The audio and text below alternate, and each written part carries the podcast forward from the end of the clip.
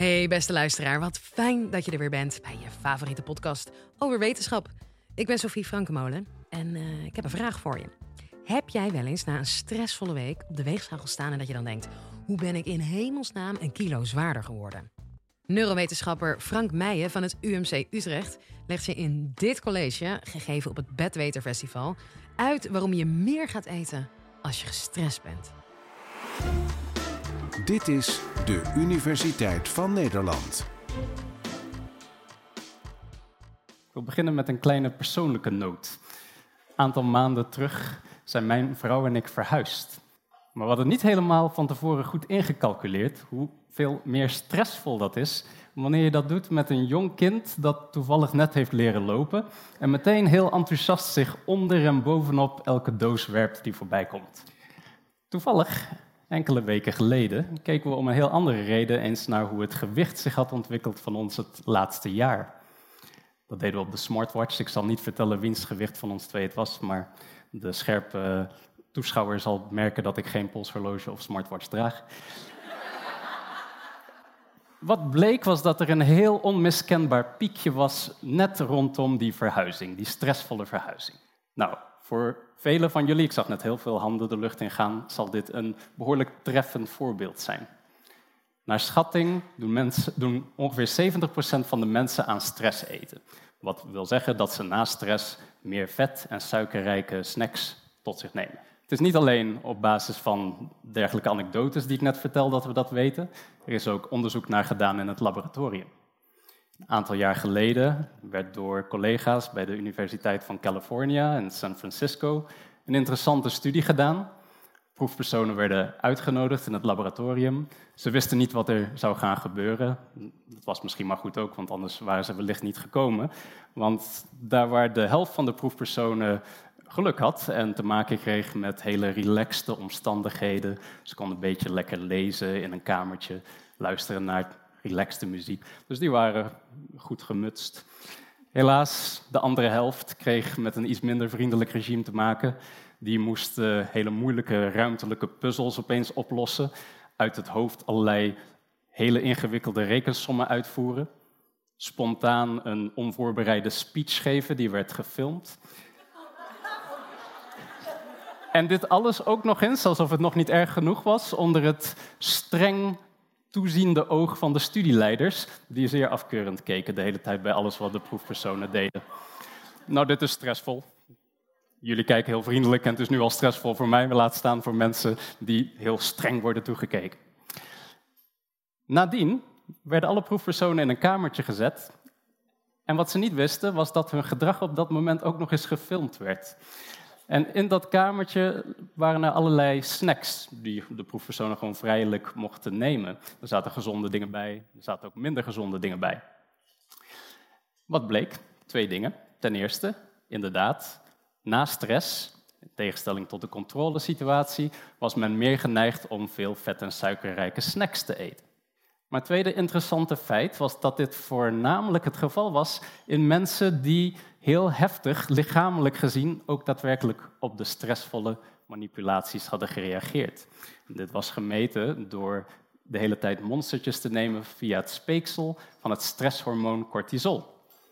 Nu bleek dat de mensen die de stressvolle ervaring hadden gehad, ongeveer in twee groepen uiteenvielen. De ene groep, misschien waren die bijzonder goed in hoofdrekenen, had niet zo'n hele sterke lichamelijke respons eigenlijk op die manipulaties. Terwijl de andere groep een hele heftige respons had. En het waren inderdaad juist die mensen die hele hoge niveaus van het stresshormoon hadden, die daadwerkelijk nadien veel vet en suiker tot zich namen. Dus er is zowel anekdotisch, in ieder geval van mij, en ook wetenschappelijk bewijs dat men na stress vaak geneigd is om te gaan stress eten. Vet, suiker, zout misschien. Waarom? Er is een interessante evolutionaire kijk op waarom dit gebeurt. Die luidt dat van oudsher stress doorgaans gevaar of potentieel gevaar betekende. Dat zou een leeuw kunnen zijn die misschien zich aandient en die je achterna komt te zitten. En om daar goed mee om te gaan, moet je vluchten of vechten. En dat zijn allebei nogal energieslurpende bezigheden. Dus wanneer je daarmee klaar bent, je bent ontvlucht, dan heb je een zekere hoeveelheid energie uitgegeven om dat te doen. En die energie die wil je weer bijtanken, of die moet je weer bijtanken. Dus je lichaam vertelt je van nou, ga maar eens lekker op zoek naar eten. En misschien eet je zelfs wel wat meer dan je strikt noodzakelijk zou hebben om de energietanks weer aan te vullen tot wat ze eerst waren. Want misschien komt er nog wel een leeuw binnenkort op de proppen. Dus als je ietsje meer hebt, ben je nog beter in staat om daarmee om te gaan. Dus in principe kan stress eten een hele nuttige, adaptieve, zoals we zeggen, nuttige respons zijn. Maar misschien niet in 2021 in Nederland, waar doorgaans stressoren een ander karakter hebben dan leeuwen die ons achtervolgen. Het zijn vaker deadlines die ons achterna zitten tegenwoordig. En ook het voedselaanbod is natuurlijk een beetje anders. Je hoeft niet meer zo heel erg je best te doen om allerlei voedsel te vinden. Vanuit dezelfde luie stoel waarin je lekker gestrest kunt zitten te zijn over je deadlines, kun je ook met een paar muisklikken al het vet en suiker bestellen wat je maar wilt eten. Dus die combinatie samen van een veranderd stresslandschap en een veranderd voedsellandschap, zo je wilt, zijn belangrijke factoren in waarom stress eten vaak tegenwoordig helemaal niet meer zo nuttig is. Nou zullen er toch veel onder ons zijn die misschien af en toe een emmer ijs te veel eten of een bak chips te veel, zonder dat dit meteen enorm problematisch voor onze gezondheid is. We houden de dingen een beetje in balans. Misschien gaan we toch een keer extra naar de sportschool. Maar er zijn zeker ook mensen voor wie dit wel een groot probleem kan zijn, dat stress eten. En het is logisch, dan denken we natuurlijk in het bijzonder aan mensen die echt heel erg kampen met gewichtsproblematiek, waarin stress een hele belangrijke factor is. Misschien iets minder bekend, er zijn ook mensen die lijden aan een eetstoornis. Die komen in verschillende varianten. Er zijn bepaalde eetstoornissen die gekenschetst worden door het feit dat men steeds eetbuien heeft. Er wordt heel veel in een kort tijdsbestek gegeten. Vaak dingen ook rijk in vet en suiker. En die episodes worden ook vaak getriggerd door stress. Het extra nare daarbij is dat nadat men toegeeft aan zo'n eetbui, er vaak ook weer gevoelens van schaamte en andere negatieve gevoelens zijn, die ook weer stressvol zijn. En voor je het weet, voed je een vicieuze cirkel. Om die reden vind ik en andere onderzoekers met mij het heel belangrijk dat we niet alleen een soort evolutionair begrip hebben van waarom misschien stress eten gebeurt, maar dat we ook heel goed snappen wat de precieze biologische processen zijn in ons lijf die eigenlijk ervoor zorgen dat wanneer we gestrest zijn, we die neiging hebben om meer vet en suiker te gaan eten. Wat gebeurt er nou eigenlijk in ons lichaam om dat te bewerkstelligen? Ik werd al gezegd, ik ben neurowetenschapper, dus uh, ja, dan denk je dat het brein alles doet. Maar het brein doet ook heel veel. Het brein is ten eerste natuurlijk het orgaan bij uitstek dat ons in staat stelt om situaties te herkennen als stressvol of niet stressvol. En ten tweede is het brein er ook voor verantwoordelijk dat ons gedrag natuurlijk wordt gestuurd, zowel bewust als onbewust. En dat geldt dus zeker ook voor ons eetgedrag. Verrassend genoeg is er eigenlijk weinig bekend over hoe die twee systemen in ons brein, enerzijds een systeem dat zich bezighoudt met detecteren wat stressvol is, en anderzijds een systeem dat zich bezighoudt met het reguleren van eetgedrag, van die twee systemen los, vrij veel bekend. Hoe ze met elkaar interacteren, verrassend genoeg heel weinig bekend.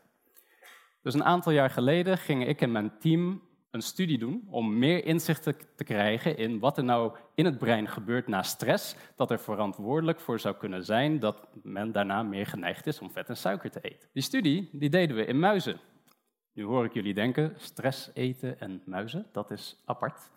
Maar als je even terugdenkt, aan wat ik eerder zei over de evolutionaire basis van stress eten, dan is het alweer wat logischer. Het is niet iets unieks menselijk dat we na stress geneigd zijn om ons te richten naar vet en suiker als het beschikbaar is. Ook muizen stress eten. In onze studie maakten we gebruik van het feit dat muizen elkaar ook op natuurlijke wijze soms stressen. Muizen zijn vrij territoriaal, in ieder geval de mannetjes. Dus wanneer je een muis in de nabijheid zet van het territorium van een andere muis, dan zal de muis wiens territorium het is, zijn territorium verdedigen en laten blijken van dit is van mij, blijf weg. En dat gaat gepaard met een zekere mate van stress in de ontvangende partij. Wij hebben gevonden dat inderdaad in de ontvangende partij, de muis die eigenlijk in het territorium van een andere muis zit, dat die inderdaad ook een verhoging krijgt in het stresshormoon. En meer dan dat, als je ze daarna de keuze geeft van nou, wat, wat wil je nou eigenlijk eten, muis? dan zie je dat die muizen ook geneigd zijn om meer vet en meer suiker te gaan eten dan ze normaliter zouden doen. En als je dat lang genoeg volhoudt, worden ze zelfs erg dik. Wat wij wilden weten is of er nou een interactie inderdaad was tussen enerzijds het stresssysteem in die muizen en anderzijds het zogenaamde beloningssysteem.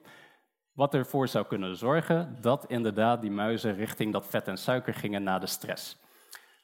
Met elektrodes in het brein konden we meten dat inderdaad twee hersengebieden die bij uitstek betrokken zijn bij die systemen, dat de communicatie tussen die twee gebieden versterkt raakte. Dan heb ik het over aan de ene kant de zogenaamde hypothalamus, bestaat in muis en mens, alle zoogdieren. En anderzijds zogenaamde dopaminesysteem. Dat is ook een term die met enige regelmaat in de populaire media opduikt, dopamine. Het is een molecuul dat gebruikt wordt als een zogenaamde neurotransmitter. Een stofje dat wordt afgegeven door bepaalde hersencellen. Heel vaak wordt het in de media gekoppeld aan een plezierige ervaring wanneer er dopamine loskomt in het brein. Dat is niet helemaal waar. Maar het is wel gekoppeld aan het najagen van plezierige ervaringen, zoals lekker eten. Dus wij hadden de gedachte dat er misschien na de stress een connectiesterkte zou veranderen tussen enerzijds die hypothalamus, die de stress detecteert onder andere, en anderzijds dat dopamine-systeem dat zo belangrijk is bij het najagen van lekkere ervaringen. Wij vonden inderdaad dat gestreste muizen blijk gaven van een versterkte connectie tussen die twee gebieden. Maar wat verder heel belangrijk was, was dat we door middel van hersenstimulatie die connectiesterkte ook weer normaal konden maken in gestreste muizen, die vervolgens inderdaad niet meer stresseetgedrag vertoonden. Terwijl we in muizen die helemaal niet gestrest waren, door die connectie te versterken, juist een stress-eetgedrag respons konden bewerkstelligen. Dus door middel van dit soort onderzoek zijn we nu begonnen om de grote puzzel die het brein is, om daar iets meer inzicht in te krijgen in relatie tot stress-eetgedrag. We hebben nog een lange weg te gaan, maar is er een beginnetje gemaakt. Een verre stip op de horizon zou kunnen zijn dat we die, die netwerken in het brein en hoe ze beïnvloed worden door stress zo goed begrijpen dat we niet alleen weten waarom er na stress een verhoogde craving, een verhoogde drive is richting vet en suiker, maar waarom er daarbovenop ook nog eens een verminderde controle is die we over onze impulsen kunnen uitoefenen. Een gevaarlijke cocktail samen. En als we dat echt goed begrijpen, dan kunnen we misschien ook daadwerkelijk iets betekenen voor de mensen die echt op een problematische wijze kampen met stress-eetgedrag. Zodat we ook met de technieken die voorhanden zijn in mensen qua hersenstimulatie wellicht iets voor hen kunnen betekenen. Maar voor ons allemaal is het denk ik belangrijk om te beseffen waarom en hoe het zo is dat wanneer we na een lange, slopende, stressvolle werkdag thuiskomen en we in de supermarkt, naar de supermarkt gaan, dat we dan eigenlijk op slinkse wijze door die evolutionaire principes naar de schappen geleid worden waar we eigenlijk niet zouden moeten zijn. Dat was wat ik jullie wilde vertellen. Ik dank jullie voor jullie aandacht. Je hoorde Frank Meijen vanaf het Bedweter Festival. Ik hoop dat je het een leerzaam college vond. En als dat nou zo was, abonneer je dan even op ons kanaal. Er komen gewoon elke week twee nieuwe afleveringen online. Volgende keer gaat het over of jij harder gaat werken als je meer geld krijgt. Tot dan!